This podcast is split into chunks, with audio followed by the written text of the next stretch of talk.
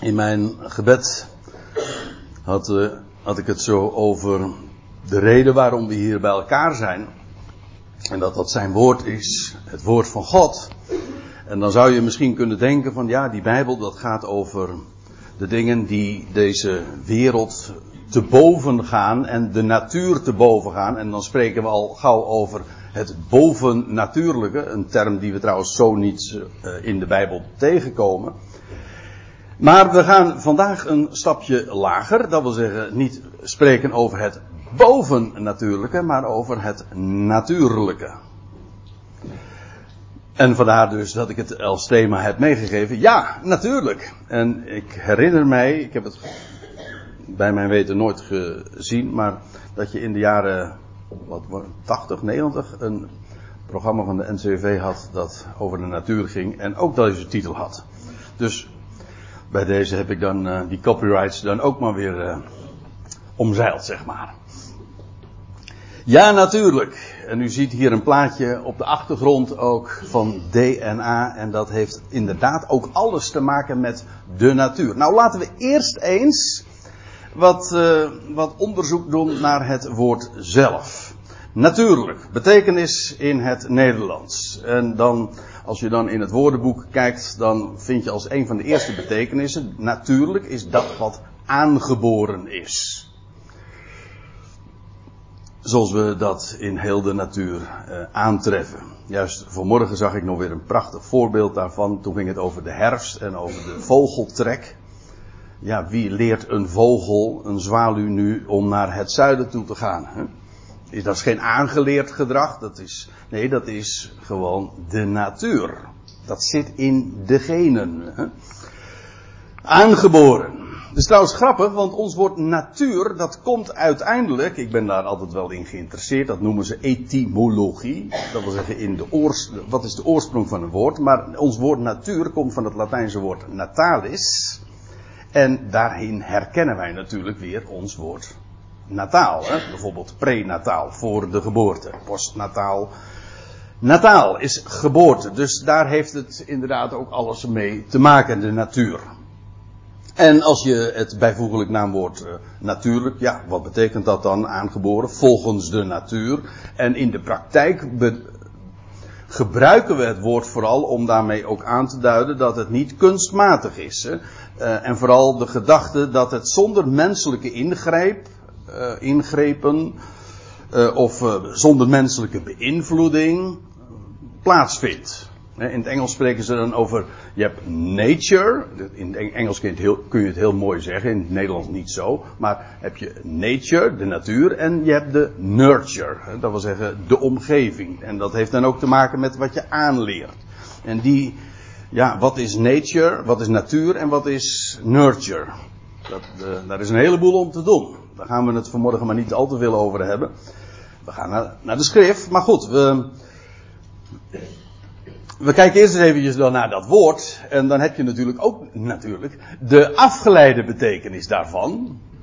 En dat is vanzelfsprekend. Als je zegt ja natuurlijk. Ga je ook vanmorgen naar de samenkomst? Ja natuurlijk. Nou, dan bedoel je, dan heeft dat eigenlijk niet zozeer te maken met de gedachte van de natuur. Maar ja, vanzelfsprekend. Maar dat is een afgeleide betekenis.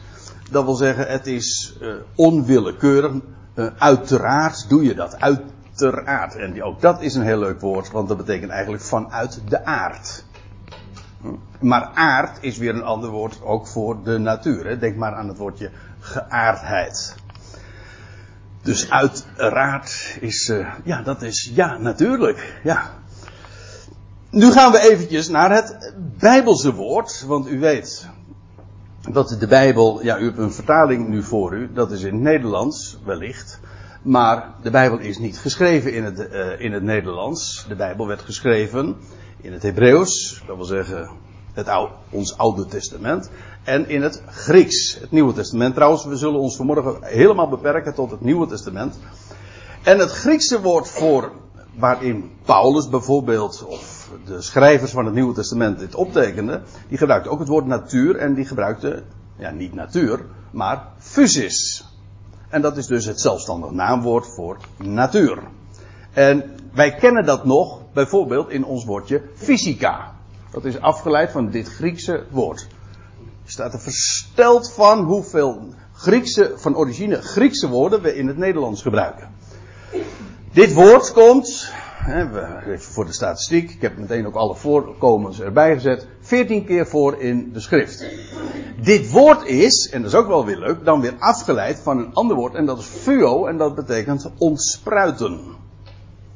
Of spruiten, maar dan moet je dan niet weer denken aan, uh, aan, dat, uh, aan, die, aan dat, dat aan die groente waar wij uh, die specifieke naam aan hebben gegeven. Nee, gewoon iets wat uit de natuur spruit. Hè? Om, in de zin ook van ontspruiten. Zo wordt het ook gebezigd in Lucas 8.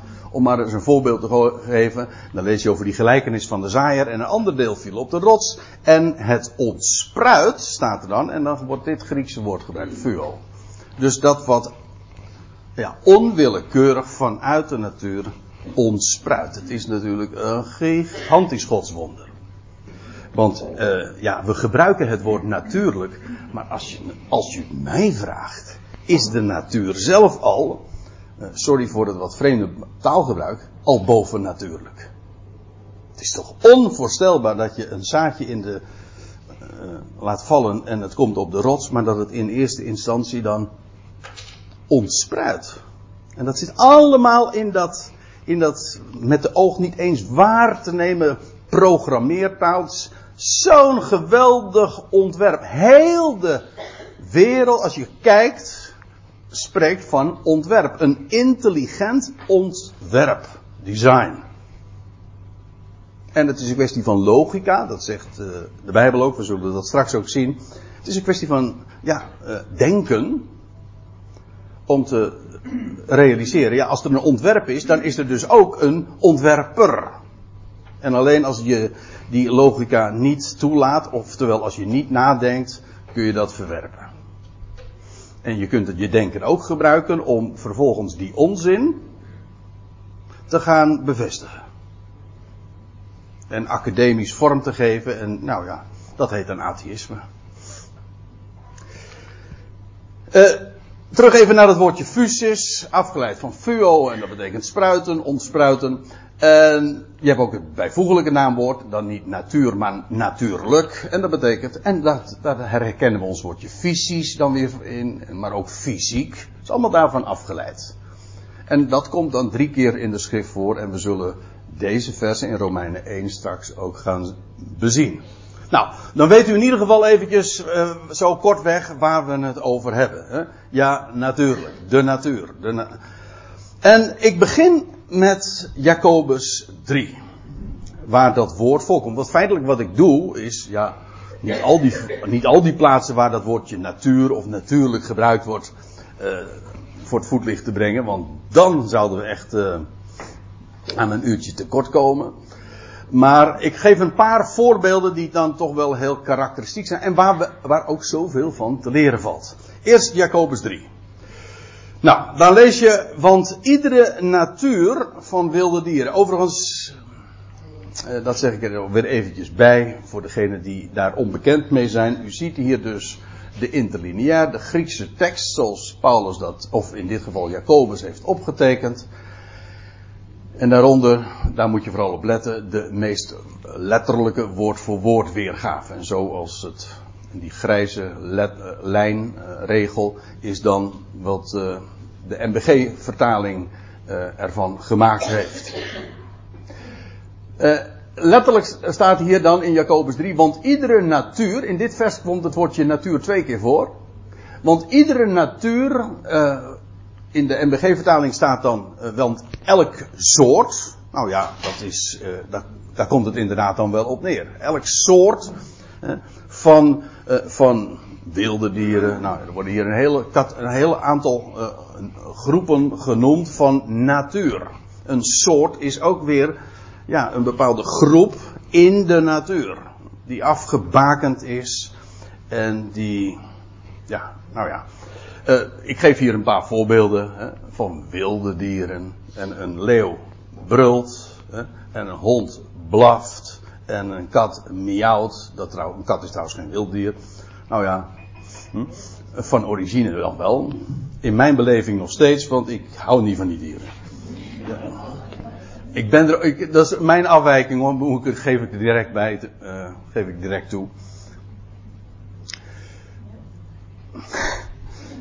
Ik ben er bang voor, ja.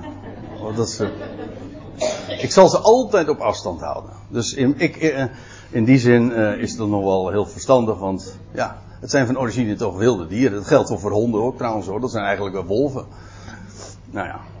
Ja, er staat hier eh, dat, dat al die dieren die zijn gestemd door de menselijke natuur, maar dat is dan minus André Piet. Want ik, ik eh, ben nog niet eh, zo ver gekomen om ze te, te bedwingen, zeg maar. Nee. Maar het is wel bijzonder dat al die dieren gewoon hun eigen natuur hebben. Hun aangeboren gedragingen. En trouwens, feitelijk het hele functioneren van het lichaam. Ja, het is allemaal aangeboren. Het gebeurt gewoon. Ja, waarom, waar, waarom gebeurt dat? Nou, dat is aangeboren. Het zit allemaal, het is geprogrammeerd. Feitelijk is dat DNA, dat erfelijk materiaal waar, waar we het over hebben. Ja, dat is, dat is, een programma, geprogrammeerd taal. Buitengewoon ingewikkeld. Waar geen, geen, waar geen computer aan kan tippen hoor. Zo enorm uh, gedetailleerd alles, alles zo ontworpen is. En ja, je zult het niet, je zult niet meemaken dat een, een, een hond gaat miauwen. is, dat is niet de natuur.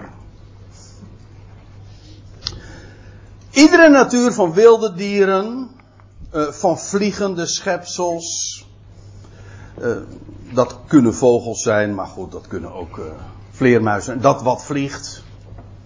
Is allemaal zo wonderlijk. Hè? En, een, en een, een, een vleermuis die van nature heeft ze, die het vermogen, die heeft, ogen, maar kan er nauwelijks wat mee, maar die heeft een, een sonarsysteem die, die ziet met zijn oren, om zo te zeggen. Ik, ik, weet ook niet hoe ik het beter moet zeggen. Net zoals een dolfijn.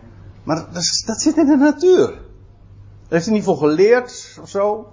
dat, uh, en, en, en, duiven, die, die stuur je dan naar Madrid. Mijn broer had vroeger uh, had die, sport. En dan uh, gingen die duiven mee naar, weet ik, van een of ander Zuid-Europees land. En waarachtig. Ze wisten weer feilloos de weg naar huis te vinden. Al die duizenden kilometers te overbruggen. Nou, dat is de natuur. Iedere natuur van wilde dieren, van vliegende schepsels, van kruipende dieren, reptielen, amfibieën en van zeedieren. Dat hoeven niet alleen vissen te zijn, want een dolfijn is ook een zeedier, maar geen vis. Maar al die, uh, die, die dieren, die worden getemd en, uh, en is getemd, of wordt getemd en is getemd. Hè. Temmen heeft te maken met tam maken en daarmee ook met bedwingen. Ik zei al, door de menselijke natuur wordt dat gedaan. Feitelijk de menselijke natuur, en nou weerspreek ik dus eventjes mijn persoonlijk verhaal van zojuist. Maar die, de menselijke natuur is superieur over de, de dierlijke natuur. En in die zin, zoals Jacobus dat hier ook naar voren brengt. De mens is in staat om de dierenwereld eh, te bedwingen. En te, in feite ook te, daarmee ook te manipuleren. Eigenlijk te beheersen. Trouwens, daar was de mens ook voor geroepen. Van origine had de dieren, had de mens Ja, ik moet lachen terwijl ik het dus zeg, maar dat heb ik, de reden daarvoor heb ik zojuist al genoemd.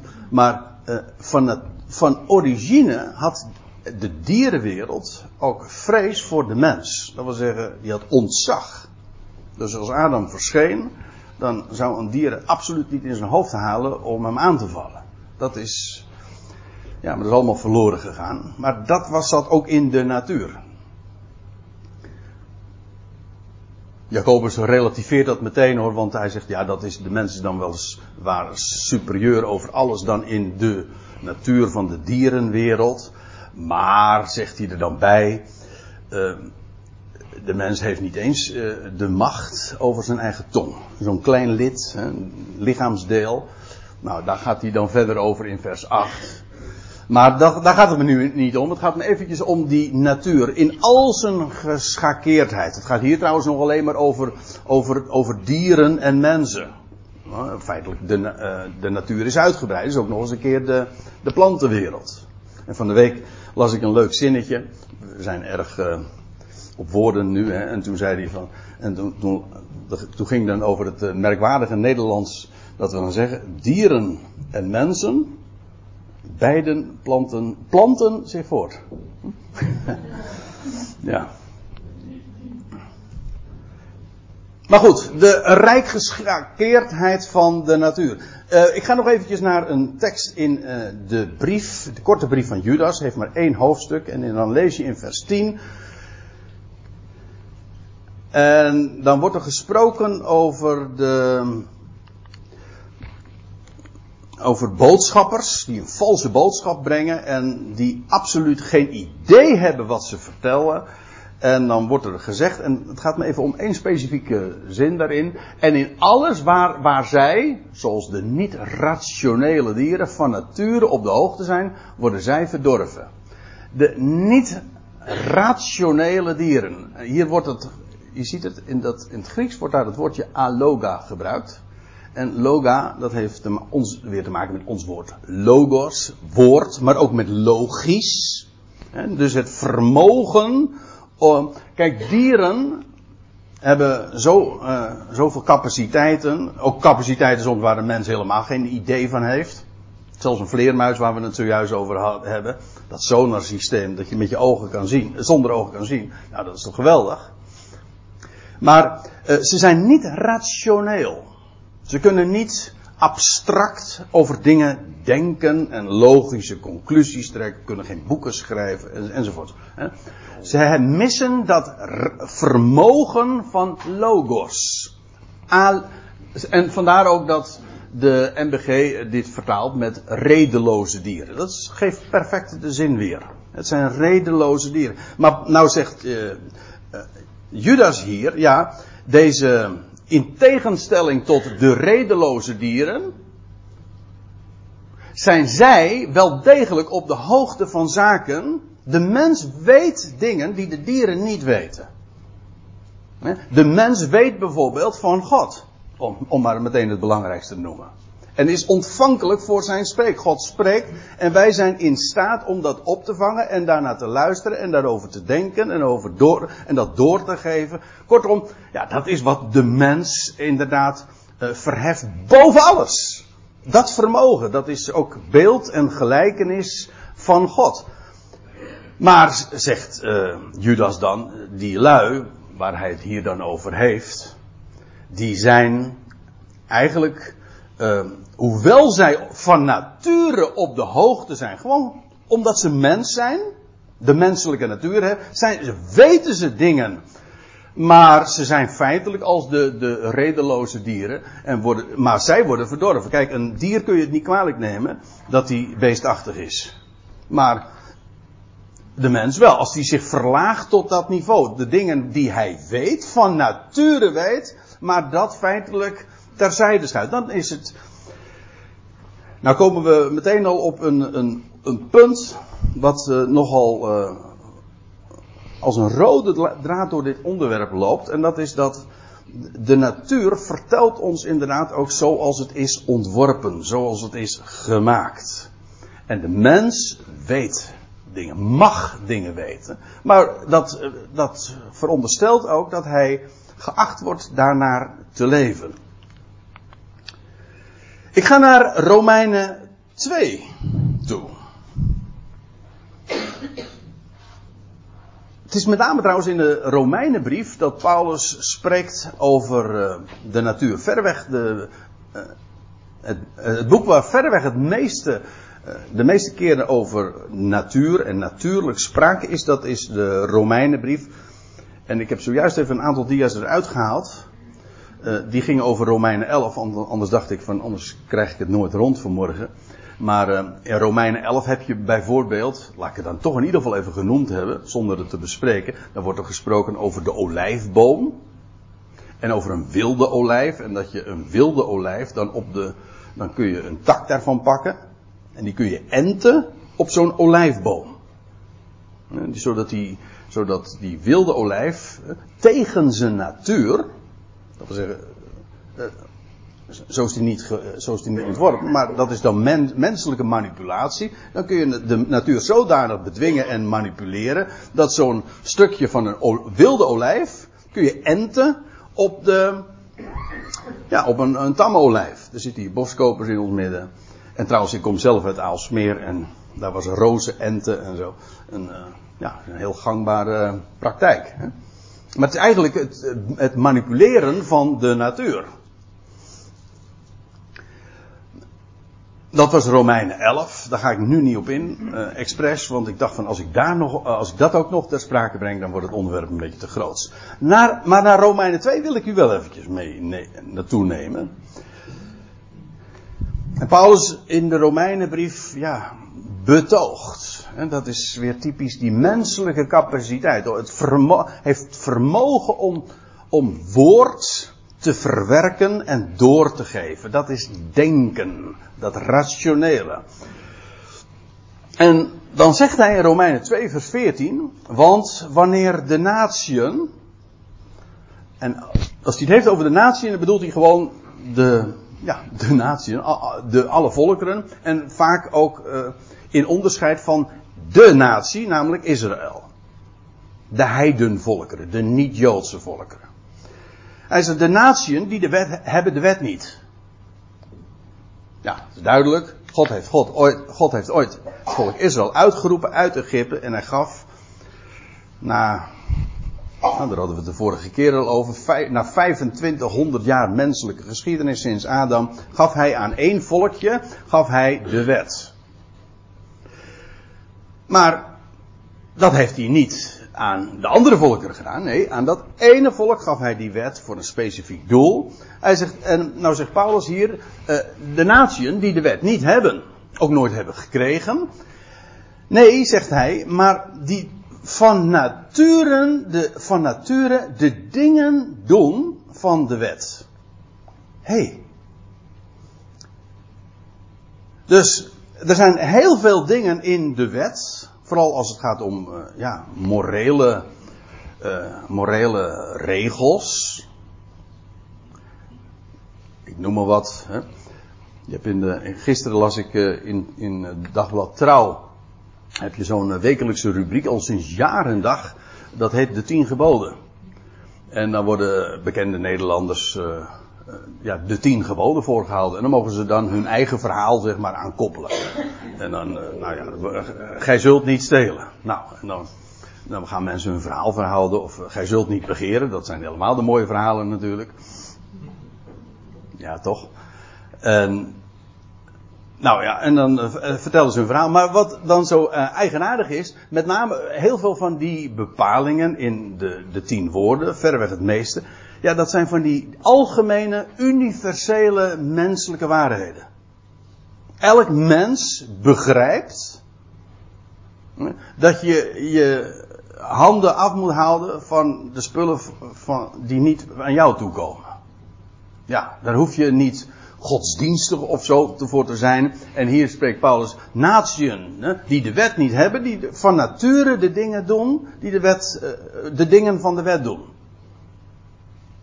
En ik heb het nu over diefstal, maar dat geldt ook over echtbreuk. Je, hebt een, je bent verbonden met een partner, een man, een vrouw. En ja, daar zou een ander van afblijven. Uh, en de grap is, ehm, we nemen het in ieder geval een ander kwalijk wanneer die zich daar niet aan houdt. Dat zijn van die logische dingen die de mens van nature weet. Een mens weet van nature trouwens ook van God. Dat zit inge. Ja, ik ben uh, Calvinistisch groot geworden en, en, in de, en op categorisatieles werd dat altijd genoemd ingeschapen godsbesef. Nee, de term vindt u niet zo in de Bijbel, maar het idee van de mens weet dat God er is. Dat is, uh, ja, is aangeboren. Dat weet hij gewoon. Ja, waarom? Dat, omdat hij gewoon een verstand heeft. En hij weet gewoon, ja, dat, zoals, zoals we net al even vaststelden, alles is ontworpen. En dus weet je, er is een ontwerper. De mens weet dat. Nou, Paulus spreekt hier in Romeinen 2 over de natieën die de wet niet hebben, maar die van nature de dingen doen van de wet. En hier betekent van nature vanzelfsprekend ook. Het is aangeboren, maar het is ook logisch, het is uh, uiteraard. In ieder geval weet hij, weet hij ervan, en dat, is trouwens ook de, de betekenis van dat woordje geweten. Een mens heeft een geweten, hij weet dingen. Geweten en natuur hebben heel veel uh, linken met elkaar. Ik wil trouwens nog iets bij zeggen. Uh, de Bijbel kent niet zoiets, gaat maar eens na, als uh, een zondige natuur. Ja, uh, als je de christelijke traditie volgt, en dat heeft al hele oude papier hoor, dat gaat, uh, dat gaat ver voor Calvijn al, werd dat zo gezegd. De menselijke natuur is slecht. Zeer slecht. Verdorven. En gaat maar eens na in de Bijbel, je zult het niet terugvinden. De Bijbel spreekt over het, menselijk hart en over in het vlees is geen goed. Maar het wordt nooit toegeschreven aan de natuur. Aan zijn aard. Ik ben trouwens er uh, ook achtergekomen dat uh, ja, in de theologie, in de dogmatiek wordt er over de natuur gesproken. Uh, en dat is zo ver verwijderd van wat de Bijbel erover zegt. Gewoon heel nuchter. Je pakt een concordantie, een trefwoordenregister en je zoekt op waar de natuur voorkomt. En als je dan dat vergelijkt met wat uh, er in de, in de christelijke traditie over de natuur is gezegd, dan wordt er gezegd over de menselijke natuur uh, is verdorven. En vraag je nou, waar staat dat in de schrift? Nee. Sterker nog, nou ja, we zullen dat straks ook zien. Niet de natuur, maar juist het tegennatuurlijke. Dat is verdorven. En, maar ik, ik wilde eigenlijk nog een ander voorbeeld geven. Er wordt er ook gesproken over. De, dan, dan zegt men van ja, de gelovige heeft twee naturen. Trouwens, wordt van Christus ook gezegd: de twee naturen leer. Hij, heeft een, hij is God en mens. En dat zijn twee naturen, onvermengd, onver... Hoe staat het er nou precies, joh? Nou ja, het heeft... Uh, in Athanasius. In de geloofsbeleiding van Athanasius wordt het allemaal zo uh, geformuleerd. En ja, dat is allemaal zo vastgesteld, dat zijn dogma's. Maar in de Bijbel vind je dat soort woordgebruik niet. En dus zou je, als je gewoon gezond wil denken, en dus ook gewoon het woord wil volgen zoals de schrift, zoals de schrift in het origineel erover spreekt, moet je dat soort terminologie uh, vermijden. Dat soort woordgebruik. Dat verwart alleen maar. Uh, u zult mij vanmorgen dus niet horen over een zondige natuur. Kent de Bijbel niet. Sterker nog, de natieën die de wet niet hebben, als zij hun natuur zouden volgen, dan zouden ze de dingen doen van de wet. Zo staat het er. Hoe, dat, dat kan dus nooit zo zijn, of Paulus zou dat nooit zo hebben geformuleerd, als de natuur van die mens niet zou deugen. Want als hij dan zijn natuur zou volgen, dan zou hij niet de dingen van de wet doen. Dus ja, dat lijkt mij uh, nogal, nogal duidelijk. Ja, natuurlijk, hè? zeggen we dan.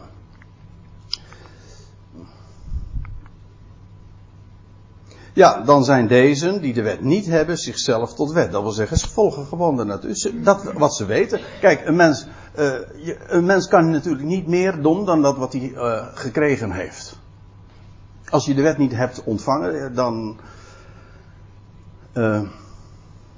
Ja, dan kun je hem daar ook niet op aanspreken.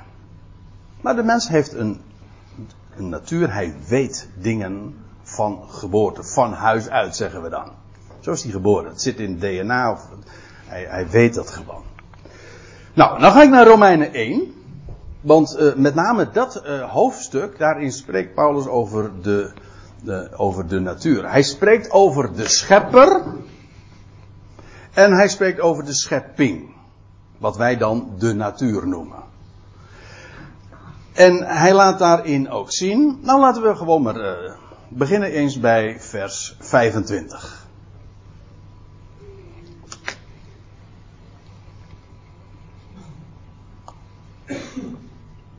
Moet er wel bij zeggen.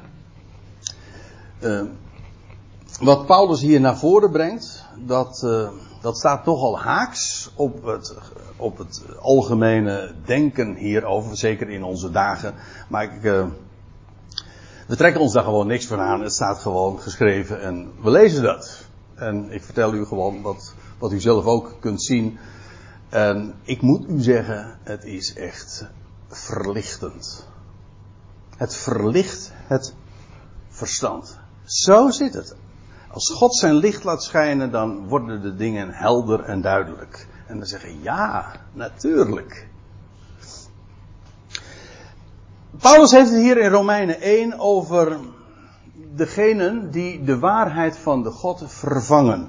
Moet ik eigenlijk eventjes wat toelichten, want dat begint eigenlijk al in vers 18 dat Paulus daarover spreekt.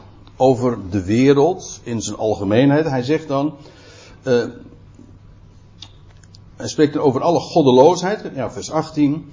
En ongerechtigheid, onrechtvaardigheid van mensen die de waarheid in ongerechtigheid uh, ten onder houden.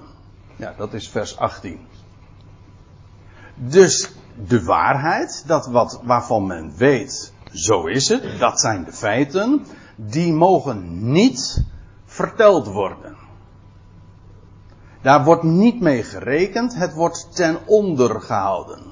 En één zo'n, ja, nog, en dat geef ik niet als willekeurig voorbeeld, dat is juist de essentie. De mens weet dat God er is, maar hij houdt dat ten onder. En ik gebruik altijd, uh, of ja, dat is het beeld waar, waar ik uh, eigenlijk onwillekeurig, uh, natuurlijk, aan denk dan aan een bal die je onder water houdt. Dat kun je doen, maar van nature, dat is niet helemaal juist gezegd, maar zo'n bal heeft de neiging, de natuur, fysisch, hè, om weer boven te komen. En alleen door het te manipuleren, eh, kun je hem inderdaad ten onderhoud. Dus dat geldt voor de waarheid, dat geldt ook voor de waarheid, of juist voor de waarheid. De waarheid heeft altijd de neiging om aan het licht te komen. Het heeft een hele, dat is een hele hinderlijke eigenschap. Uh, dat is ook trouwens wel heel uh, voor iedereen die snakt naar de waarheid. En, uh, is dat ook wel een heel een fikse geruststelling. Wacht maar, de waarheid komt altijd een keer aan het licht. Je kunt de leugen ten on, nee, de waarheid ten onder houden. Je kunt ervoor kiezen om te liegen. Maar je loopt een keer tegen de lamp. Ook een leuk woordgebruik in dit verband. Want die lamp, dat is wat licht verspreidt en dat is de waarheid. Licht is waarheid, zoals leugen duisternis is. Met de leugen uh, weet je ook niet meer uh, waar je bent. Dan wandel je, de Bijbel spreekt heel vaak dat soort uh, gelijkenissen of dat soort metaforen. Dat de mens in de duisternis, de wereld wandelt in de duisternis. Ze weet niet waar ze vandaan komt, ze weet niet waar ze naartoe gaat. Ze is dus gedesoriënteerd. Ze weten niet waar ze eigenlijk zijn, waar ze naartoe gaan. Kortom, nou dan leef je toch echt in de duisternis.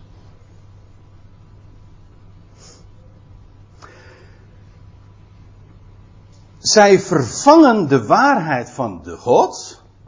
En Um, ja, dat, dat, moet je, dat moet je dan ook even goed begrijpen in Romeinen 1. Wat Paulus zegt, de wereld weet dat God er is. Ik heb nu eigenlijk al een paar keer uh, dat vanmorgen zo naar voren gebracht.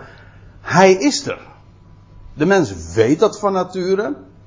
Onlangs las ik nog van, in, in, ik meen dat het in het NRC was. Uh, dus een onverdachte bron, zo NRC Next, geloof ik. En uh, daar stond de uitdrukking uh, dat de mens uh, ongeneeslijk religieus is. Dat, is gewoon, dat, dat zit er dus eigenlijk ingebakken. Hij weet, hij zoekt het, ja, het hoge, dat is er gewoon. Want hij kan zich nooit aan de indruk onttrekken dat er ontwerp is. Daar loop je altijd tegenaan. Op het moment dat je studie maakt van de dingen van de natuur. Hè, en van, dan weet je, ja, dit is allemaal ontwor ontworpen. Nou.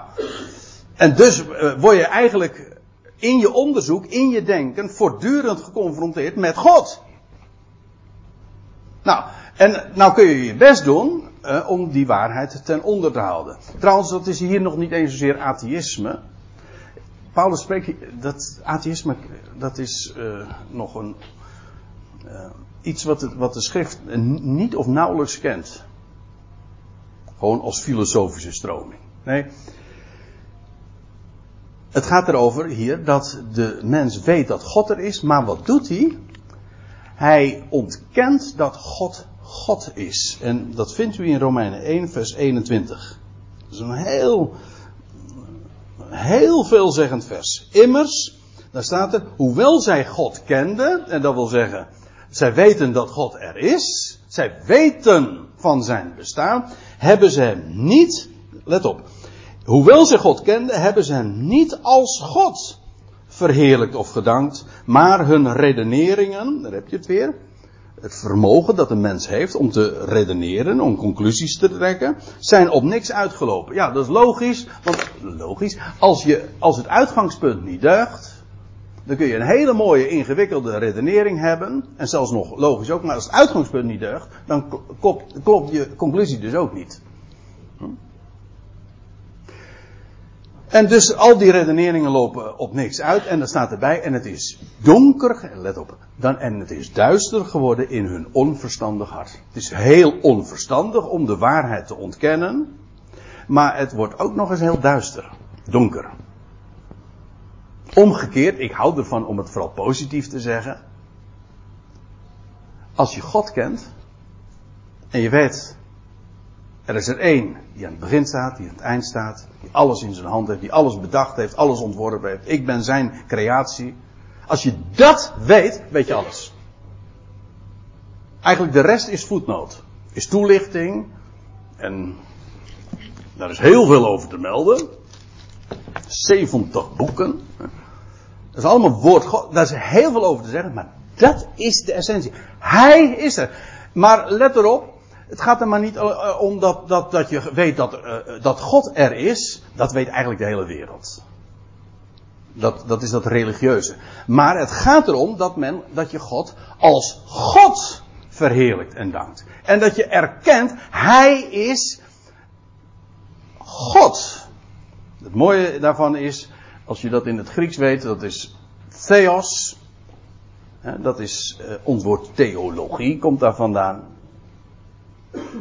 Maar dat betekent de plaatser.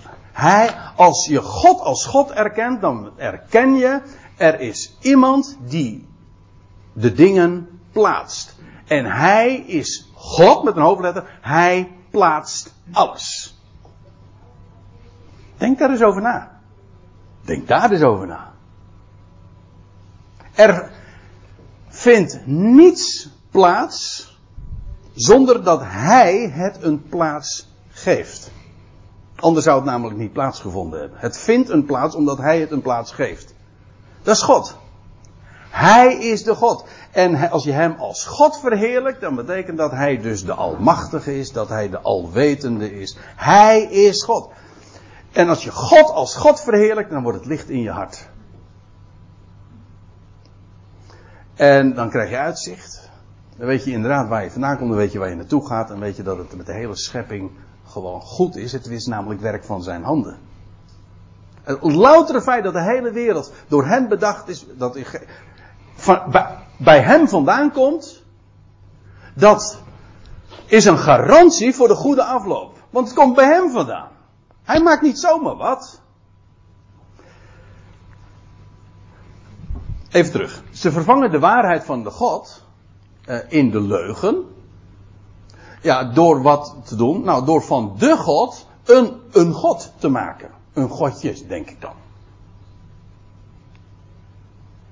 Hm? En Paulus had juist dat in het voorgaande ook uh, uitgelegd. Hij zegt van ja, dan, heeft, dan maakt men dus uh, creatuur. Men, kan, men maakt beelden. Dat kun je gewoon heel artistiek opvatten in de zin van uh, zoals je dat in Athene en Rome had. Allemaal beelden van God. Je kunt het ook abstracter doen. Dan heb je gods, een godsbeeld.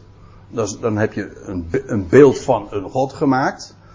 Maar dat, maar dat is dus op het moment dat je God niet meer als God erkent, heb je hem dus, heb je de waarheid van de God, de God, de ene namelijk, ver, vervangen in de leugen. Let even op dat woordje vervangen, want dat komen we straks tegen. Want het is, het is belangrijk om dit vers 1, 25 er even bij te nemen, want ik wil op dat, die natuur terugkomen.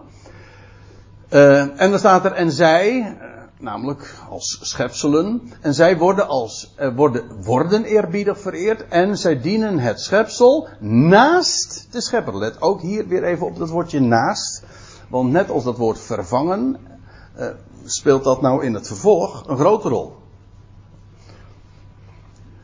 Dus men heeft dus wel, uh, men kent dus wel een God, maar hij wordt op het niveau van het schepsel gebracht. Hè? Ze dienen het schepsel naast de schepper. God wordt dus feitelijk uh, vernederd. Ja, hoe? Nou, door de mens, het schepsel, te verhogen. Van alle soorten, hè, want je hebt uh, in de, in de antieke oudheid, zo in de dagen ook dat Paulus dit optekende, had je de god van de zee. Ja, Neptunus, nou u weet ze allemaal. Nou, Nee, u, ik zeg, u weet ze allemaal. Ik weet ze ook wel. Ik weet ze in ieder geval niet allemaal. Maar u, u weet, er, je had de God van de ruimte, de God van de liefde, Eros. Hè. Je had de God van de oorlog, Mars. Nou ja, en dan heb je de Griekse versie en de, de Latijnse versie. Hè. Jupiter, Zeus, het zijn eigenlijk dezelfde. Alleen het ene is Latijn en het andere is Grieks. Maar allemaal, dat, die Jupiter was dan de oppergod. Maar het waren allemaal goden. Maar op het moment dat je, dat je goden hebt, heb je de God vernederd. Natuurlijk, je hebt nog, wel, nog steeds besef dat er een God is, dat, wel, dat wel, maar de God heb je niet meer, want er is er maar één namelijk. Op het moment dat je meer dan één God hebt, dat is trouwens het grote probleem feitelijk van de drie-eenheid. Dan komen we wat dichter bij huis. Maar goed. Op het moment dat je meer dan één God hebt, heb je geen God meer. Dus je hebt of één God of geen God. Want als je goden hebt, ja, dan ben je feitelijk de God kwijt. Dan, want op het moment dat er twee goden zijn, al zijn het er maar twee of drie of vier of 25 miljoen, dat maakt eigenlijk geen bal uit. Want op het moment dat er meerdere zijn, moet die zijn macht en zijn vermogen delen. En kan er ook conflict zijn. Want wat de ene God dan bepaalt, kan de andere God weer ongedaan maken. Heb je in de, ook in de christelijke traditie heb je daar feitelijk een oppergod, maar je hebt ook een andere god en die kon zomaar bijvoorbeeld de, de hele boel in het honden draaien. En zodat het in het begin ooit mis is gegaan. En toen moest God vervolgens, de oppergod, weet je wel, moest weer alles in het werk stellen om, om het weer op de rit te krijgen en om te redden wat er te redden valt en uh, weer repareren. Nou ja, dat lukt niet helemaal, want het merendeel gaat dan toch fout, maar goed, een deel wordt gered. Nou, dat is heidendom. Dat is puur heidendom, dan ben je de God kwijt. Dan heb je nog wel goden, maar de God heb je niet meer. Dus eh, ik hoop we krijgen een boodschap binnen. Oh, is die van boven? Ik dacht dat ik hier juist mee bezig was.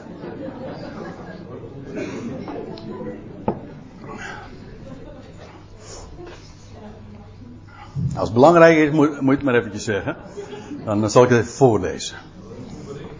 Een goed bericht. ja. Maar nou ben ik wel helemaal de draad kwijt weer. Dat is dan weer het nadeel daarvan. Ja. Maar wat moest ik daar nou nog aan toevoegen eigenlijk? Oh ja, nee, nee ja, ik weet het weer. Uh, want je kunt natuurlijk zeggen van ja, Paulus heeft het hier over uh, de, de, toestanden die daar in Rome waren, in het Romeinse Rijk en dat antieke oudheid. Toen hadden ze allemaal goden en zo het is nu allemaal abstracter geworden, maar ook in het christendom is er zo enorm veel heidendom geslopen, waarbij we feitelijk nog steeds zitten met, met goden. En ik bedoel nu niet alleen maar dat, dat, dat men zegt van ja, hij is God, hij is God, hij is God. Uh, drie en verschillende personen allemaal.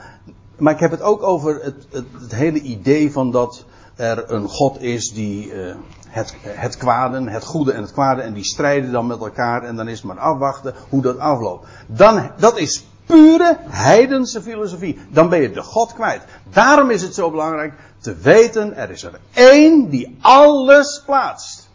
Er is er dus ook één die alles daar brengt waar hij het hebben wil. Als je meerdere goden hebt, dan, kan dan ben je daar nooit zeker van. Of bijvoorbeeld, dan zeg je, de mens heeft een vrije wil.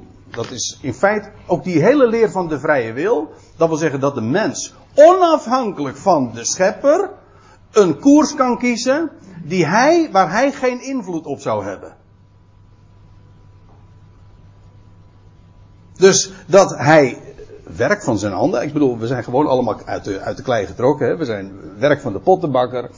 En hij heeft ons gemaakt. Maar hij, dat, dat die mens eigenlijk uh, een, een, traject kan volgen ja, waar hij eigenlijk ook helemaal geen invloed op, op heeft. Maar dan heb je dus feitelijk eh, de leer van miljoenen, of hoeveel zijn het er tegenwoordig? 7 miljard geloof ik. 7 miljard, allemaal goden. Die allemaal iets kunnen doen waar de, die de schepper eigenlijk niet voor ogen had en die in, in, in strijd zijn met zijn bedoeling. Heidendom. Zo zie je dat, die hele, dat veel godendom, dat komt er heel dichtbij hoor. Dat is niet iets van toen, of de mensen toen zo stom waren. Mensen deden toen anders. Maar, nog steeds. Zij vervangen de waarheid van de God in de leugen en zij worden eerbiedig vereerd en ze dienen het schepsel naast de schepper. Die is gezegend tot in de, niet eeuwigheid, maar tot in de ionen. Amen. Let er trouwens op, eh, die, dat gaat over de schepper. En ik wijs er even op, dat is een mannelijk woord. In ons, bij ons trouwens ook schepper, is mannelijk. Maar uh, in, het, in het Grieks zie je dat nog veel sterker trouwens. Uh, God is, ook Theos is mannelijk. En waarom zeg ik dat nu? Wel, daar gaat Paulus nu verder over spreken. God is mannelijk, terwijl de schepping, ook dat is trouwens iets wat later in de Romeinenbrief nog weer aan de orde komt, de schepping is vrouwelijk. Het zijn prachtige beelden, dat soort, uh, die waarheden van mannelijk, vrouwelijk en waar het een beeld, een type van is, zijn we allemaal kwijtgeraakt. Maar, dat, maar God is mannelijk, inderdaad. Nu moet u niet het fout maken in, in, eh, in, eh, in, in het denken dat God een man is. Staat er, God is geen man, hè, dat hij liegen zou. Daar moet ik ineens aan denken. Maar uh, het betekent dat mannelijk en vrouwelijk uh, de uitbeelding zijn, de uitdrukking is van een waarde. Het mannelijke geeft, het vrouwelijke ontvangt, het mannelijke verwekt het vrouwelijke baard. dus daar, lees je over de, in Romeinen 8 is dan de schepping is in barensnood. Vervult de rol van een vrouw, van een zwangere vrouw. De schepping is dus in blijde verwachting. Dat is een geweldige gedachte. Ja, waarom? Nou, omdat de schepper, de man, haar, sorry dat ik het zo zeg, u vindt dat misschien banaal klinken, maar ik bedoel juist, het, het, uh, het seksueel uh, heeft een geweldige uh, betekenis en, en verwijst naar de, de, grootste, hoogste waarheden die je maar kunt bedenken. En de schepper bezwangerde de schepping. Dat wil zeggen, hij heeft haar hoop gegeven. Of ik, laat ik het nog anders zeggen, hij gaf zijn zaad. En wat is dat zaad? Dat is het woord. Dat het woord van God, dat is zijn zaad. En dat maakt de schepping ook zwanger. Ik kan het nog sterker vertellen. Ja, uh, hoe zeg je dat nou? Netjes. Door op, de, het mannelijke en het vrouwelijke komt bij elkaar door opstanding. Wij gebruiken altijd een, een Latijns woord daarvoor en dan zeggen we erectie. Maar dat betekent opstanding natuurlijk. En door opstanding wordt er nieuw leven verwekt. Nou, dat is de waarheid. God heeft de, door opstanding nieuw leven in deze schepping gecreëerd, waardoor deze schepping in blijde verwachting is. En in hopen is. En we wachten ook op de verlossing. Is ook zo'n term. De verlossing. De open openbaring, dat kan je alleen in het Nederlands trouwens zo zeggen. Maar in ieder geval, dat is het uitzicht. Zodat, en dat wil ik er maar mee zeggen, die waarheden van God, mannelijk, uh, de schepping, uh, vrouwelijk, dat is zo verankerd daar uh, in, in het betoog ook van Romeinen 1, zodat Paulus nu, vervol, nu doorgaat. Dus hij heeft het gehad over het vervangen van de waarheid van God. En dan staat er, daarom levert God hen over. Daarom, dus vanwege de vervanging van de schepper in het schepsel, levert God hen over tot in hartstochten van oneer. Let trouwens op, er staat hier tot in, niet aan. Hij levert ze niet over aan. Zo van, uh, van dit, uh, nu geef ik jou over aan dat. Nee, hij levert ze over uh, tot in. Dat wil zeggen, hij laat het los. Het is een laten begaan. Zo van de mens laat de schepper los en, en God laat de schepping los. Let op, los. Niet laat, hij laat het niet varen. Dat is wat anders, hè? Je kan iets laten varen, dat betekent dat je het gewoon helemaal nooit meer aandacht aan geeft. Je kan iets loslaten eh, voor een bepaald doel. En dat is hier wat aan de orde is. God levert over, of hij geeft, hoe staat het er? Um, overgeven, loslaten. Dat is het idee. Hij laat hen los, en zodat ze dan hun, in, hun, in de duisternis verder zelf mogen het uitzoeken. Om zeg, proefondervindelijk erachter te komen wat het betekent om God, om, om erachter te komen wat het betekent om God niet te hebben. En daarom levert God hen over tot in hartstochten van oneer. Letterlijk betekent dat dus ook ja, zonder eer, zonder heerlijkheid. En die hartstochten heeft hier, we zullen dat in het vervolg ook zien, dat heeft inderdaad alles te maken met de seks, de seksualiteit, om het even deftig te zeggen. Maar hij, hij zegt dat ze, maar als je eenmaal de schepper kwijt bent, als je de schepper kwijt bent, dan wordt de seks dus eigenlijk ook ja, platte seks. Dan is, is de verwijzing naar de schepper weg. Normale seksualiteit is juist heel verheven. Als je de schepper daarin mag kennen. Dus als je, als je weet van de schepper, die het mannelijke en het. God schiep de mens, de mens, maar in het algemeen, heel de natuur, eh, ja, plant zich voort. Hè. Dat is mannelijk, vrouwelijk. Alles is mannetje, vrouwtje. Alles. Heel de schepping, heel de levende natuur, zie je dat principe. In de plantenwereld, in de dierenwereld, in de mensenwereld. God schiep de mens, mannelijk, vrouwelijk. Nou, als, met een bepaald doel, uiteraard. Maar die seksuele omgang, dat is ook zoiets. Ja, de mens is seksueel trouwens. Heel de natuur is zo seksueel als maar kan. Hm? Men zegt wel eens een keertje: de levensdrift en dus ook de drift tot voortplanting is de sterkste drift die er in heel de natuur is. Dat is ook zoiets aangeboren. Maar dat is die seksuele eenwording, gemeenschap, omgang, dat is er een van eer als je de schepper kent. Maar het wordt oneer, plat, zonder heerlijkheid, wanneer die schepper weg is ja, dan, is het, dan heb je nog wel hartstocht, maar niet meer van eer.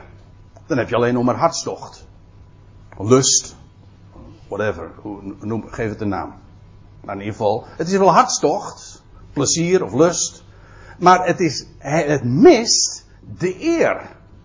De verhevenheid. Want hun vrouwelijken. In de. Mm, en vertaling wordt er vertaald vrouwen, maar het gaat hier niet zozeer over vrouwen, maar vrouwelijken. Hè? Dat wil zeggen letterlijk eh, die van het vrouwelijke geslacht. En moet je er ook even in het Nederlands bij zeggen. Want je kunt van een man ook zeggen van die is vrouwelijk. Maar daar gaat het hier niet over. Het gaat over het, het ja, gewoon dat wat in je paspoort staat. Hè? Mannelijk, wat seksen, geaardheid, mannelijk, vrouwelijk. Dat. Nou, hun vrouwelijken, die van het vrouwelijk geslacht zijn, die vervangen, zegt Paulus dan, dit is een voorbeeld dus van hartstochten van oneer. Als je de schepper eenmaal kwijt bent, dan, wordt, dan, ja, dan ben je de schepper kwijt. En dan wat overblijft, dat is hartstocht, jawel, van oneer, zonder heerlijkheid. Nou, en dan geeft Paulus voorbeeld, want hun vrouwelijke, die vervangen het, natuur, vervangen het natuurlijk gebruik. Eerst werd er gesproken in het voorgaande vers over de vervanging van waarheid, leugen. De vervanging van de schepper, schepping. Ja, en met als gevolg, hè, daarom raakt de vrouw de man kwijt. Dat is eigenlijk het idee. Je bent de schepper kwijt. Maar ziet u vooral het logische verband tussen als je eenmaal de schepper kwijt bent, ja, dan zie je dus, dan ben je dus ook gedesoriënteerd in de seksualiteit. Dan zie je niet meer het verschil tussen mannelijk en vrouwelijk, de natuur. Maar ja, dan, ja, dan ontspoor je dus met recht. Raak je de, zelfs de natuur raak je dan kwijt. ja, dan, staat er ook, vervangen het natuurlijk gebruik, namelijk mannelijk, vrouwelijk, tot wat naast de natuur is. In de MBG-vertaling zegt tegen natuurlijk. Prima, maar letterlijk staat er dan inderdaad, het, het, het is naast de natuur. Het is in zekere zin nog natuur, maar het, het zit ernaast. In die zin dus met recht een ontsporing.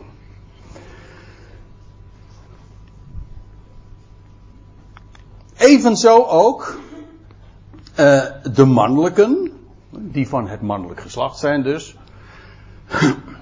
loslatende het natuurlijk gebruik van het, van het vrouwelijke. Want het mannelijke en het vrouwelijke geslacht, die zijn helemaal, ik hoef dat toch niet toe te lichten, die zijn zowel uh, qua anatomie hè, als ook biologisch helemaal ontworpen voor elkaar. Dat is, uh, ja, ik heb maar een heel discreet plaatje van een stekker en een, uh, stekkerdoos erbij gezet. Want elektriciens die spreken ook altijd over een, uh, over een mannetje en een vrouwtje, weet je wel. Ja, dat hoort bij elkaar. Uh, daar hoef je verder niet over te. Daar hoef je verder niet over te discussiëren. Dat is, dat is er gewoon zoals het is. Nou, maar zegt Paulus nu, als je nu eenmaal de schepper kwijt bent, ja, dan laat je dat natuurlijk gebruik van het vrouwelijk, de, de vrouwen het, hebben het natuurlijk, het gebruik, stond het nou ook weer? Het natuurlijke gebruik verlaten en vervangen. Overigens, het is nog maar de vraag of Paulus hier doelt op eh, vrouwen met vrouwen. Het kan ook heel goed zijn, maar dat is even een andere discussie. Ik wil dat eventjes laten voor wat het is. Dat hij hier doelt over de omgang, de seksuele omgang van de vrouw met het dier. Dus bestia, bestialiteit. Dat is dus ook echt ontspoord. Hè? Lijkt me duidelijk. Maar goed. Uh, evenzo ook de mannelijke, loslaten het natuurlijk gebruik van het vrouwelijke, uh, werden ontbrand in hun hunkering naar elkaar. Nog steeds ter toelichting van als je eenmaal dus de schepper kwijt bent, ja, dan wat je overhoudt is hartstocht van oneer. En wat je dus krijgt, die ontsporing. En dan werden ontbrand in hunkering naar elkaar. Man, mannelijken, letterlijk staat er het zo, het is heel beeldend eigenlijk uitgedrukt. Niet als mannen met mannen, er zijn letterlijk mannelijken in mannelijken. Nou, ik hoef dat verder ook niet toe te lichten. Uh, het, waar hier over sprake is, wij noemen dat dan homoseks. Ik wil er trouwens wel heel uitdrukkelijk iets bij zeggen. Um, nou ja, nou ik wil er nog iets bij uitdrukkelijks bij zeggen, maar ik wil er eerst nog even dit wij denken misschien van dat het een modern fenomeen is, maar ik heb me er nog eens een keer in verdiept. Ik wist het wel, maar ik ben er alweer on, ik vond het ontstellend. Het, homoseksualiteit, trouwens biseksualiteit ook, eh, trouwens ook eh, pedoseksualiteit, was zeer, zeer verbreid in het Romeinse Rijk. En zelfs uh, enorme percentage, ik heb, ik heb zelfs gelezen van meer dan 50 procent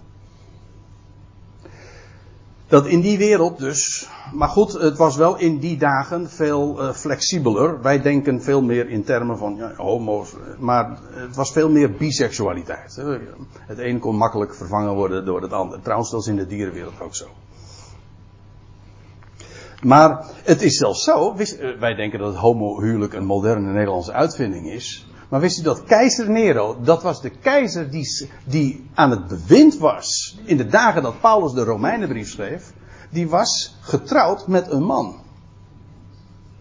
Wist u niet, hè? Ja, wij maar denken, een homohuwelijk, dat is een hele moderne uitvinding, wij verlicht als wij zijn. Verlicht. Daar moet ik dan echt zo hard om lachen. Maar dat zo was het. Maar het onfatsoen bewerken. Begrijp me goed. En dat wilde ik uh, zojuist al even zeggen, maar uh, na dit gezegd hebben, het gaat hier inderdaad over homoseks, dat is waar. Maar ik wil er heel uitdrukkelijk dit bij zeggen. De Bijbel zegt geen letter, wijt geen letter over homofilie. heb het hier over mannelijke en mannelijke, over de praktijk, over de neiging tot, want dat is wat homofilie is. Dat is trouwens ook een Grieks woord, homo en filie, allebei. Maar dat is de neiging tot. Geldt trouwens ook voor pedofilie. De neiging, eh, de seksuele aantrekkingskracht tot een, eh, een, een kind, van een volwassene tot een kind. Die neiging, dat is wat anders dan pedoseks, begrijp me goed. Maar over die filie zegt de Bijbel niets. Ik, ik eh, daag u uit, probeer maar eens een keer in de Bijbel iets te vinden over homofilie. Het probleem van de homofilie kent de schrift gewoon niet. En als u nou vraagt van wat vind jij daarvan? Nou, daar heb ik wel een mening over. Maar daar zit u helemaal niet op te wachten. En terecht. We hebben het hier gewoon over wat hier over, uh, waarvan hier sprake is. Over deze, over deze praktijk. Over mannelijken in mannelijken. Dat wil ik even gezegd hebben. Dus ik wil ook, ik wil er trouwens wel even dit bij zeggen. Degene die vanuit de traditie, ook vanuit de kerk zeg maar, al van oudsher, uh, opgezadeld zijn met schuldgevoelens vanwege, uh, of met schuld, of schuldgevoel, vanwege emoties of gevoelens of neigingen die men heeft, is volkomen ten onrechte. De schrift heb je daarbij niet aan je, aan je zijde. Want de Bijbel, kijk, van oudsher is het in de traditie zo, in de christelijke traditie was seks vies, toch? Een noodzakelijk kwaad. Ja, dat had ook te maken met die mens. Dus de natuur van de mens was zondig. Nou, het is zo natuurlijk om, om je seksueel. Uh, ja, hoe zeg je dat? oh, om seksueel te wezen. die drang, dat is zo natuurlijk. Maar ja, omdat die, die, de, de, de, natuur deugde niet. Dus was dat ook eigenlijk allemaal fout. Alles wat natuurlijk was. De, uh, genieten van eten en drinken en seksualiteit. Al dat soort natuurlijke dingen was altijd maar fout. Zondig. Niks ervan. Het heeft een hoge betekenis. En uh, daarover uh, schuldgevoel aangepraat te krijgen, dat is niet naar de schrift. De Bijbel doet er volstrekt niet moeilijk over. En dat je daar zelf problemen met bepaalde neigingen kan hebben, dat is allemaal tot je dienst, maar daar gaat het nu hier niet over. En zo staat er dan, uh, ze werden ontbrand in hunkering naar elkaar, mannelijke in mannelijke, het onfatsoen bewerkend. En de vergelding van hun dwaling, let op, let op. En de vergelding van hun dwaling, die bindend was, in zichzelf terugkrijgen. Wat is hun dwaling? Die dwaling is niet homoseks. Dat, zo wordt het heel vaak uh, aangevoerd, maar dat is, dat is het niet. Dat is de de dwaling is dat men de schepper kwijt was geraakt. Men was niet meer georiënteerd op de andere kant, maar ik zeg het expres nu even zo, op de verkeerde kant, namelijk naar zichzelf, hè, naar het schepsel. Maar de schepsel is gemaakt voor de schepper. Die oriëntatie. Hè, zoals uh, een magneet, eh, de, de, de Noordpool trekt zeg maar de Zuidpool aan. De polen trekken elkaar. Dat is normaal. Nou, op het moment dat die oriëntatie weg is, dan, dat is de dwaling. Dat is de dwaling. Dat is, heeft te maken dus met het feit dat je de schepper, de man, kwijt bent. Ja, dan is onherroepelijk, eh, het is bindend zelfs, dat je de vergelding daarvan krijgt. Hè? De vergelding, dat zijn die hartstochten van oneer. Dan betekent ook dat je in je hartstochten, in de lust, ook in de seksuele beleving, de schepper kwijtraakt. En die hartstochten van oneer, die worden niet vergolden, die zijn de vergelding. Hebt u hem? Zo het wordt meestal zo voorgesteld van, ja, dat, uh, ja, dat wordt gestraft. Nee, het, het, gaat er niet eens zozeer om dat dit een, een straf is. Het is het natuurlijke gevolg van, het natuurlijke gevolg van deze desoriëntatie, van die dwaling. Nou, ja, nou zie ik dat het inmiddels al vijf over half twaalf is, dus we moeten het inderdaad afsluiten. Ik wilde graag nog wat zeggen daarover, maar ik, uh, ik laat het hierbij. Ik hoop in ieder geval dat één ding duidelijk is geworden vanochtend. Laat ik dat dan even zo mogen samenvatten. God de schepper, heeft alles machtig ontworpen. En hij schiep in de natuur goed het mannelijke en het vrouwelijke.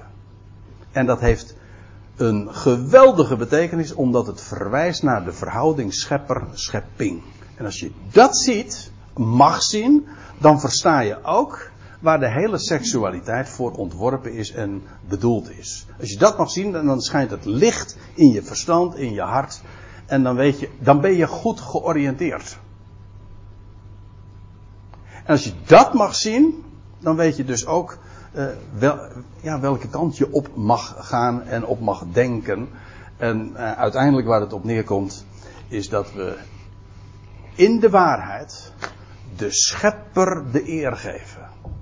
Die alles plaatst. Die werkelijk God is. En dat is het geweldige licht dat mag schijnen. En dat lijkt mij toch het goede bericht. Zullen we daarbij laten?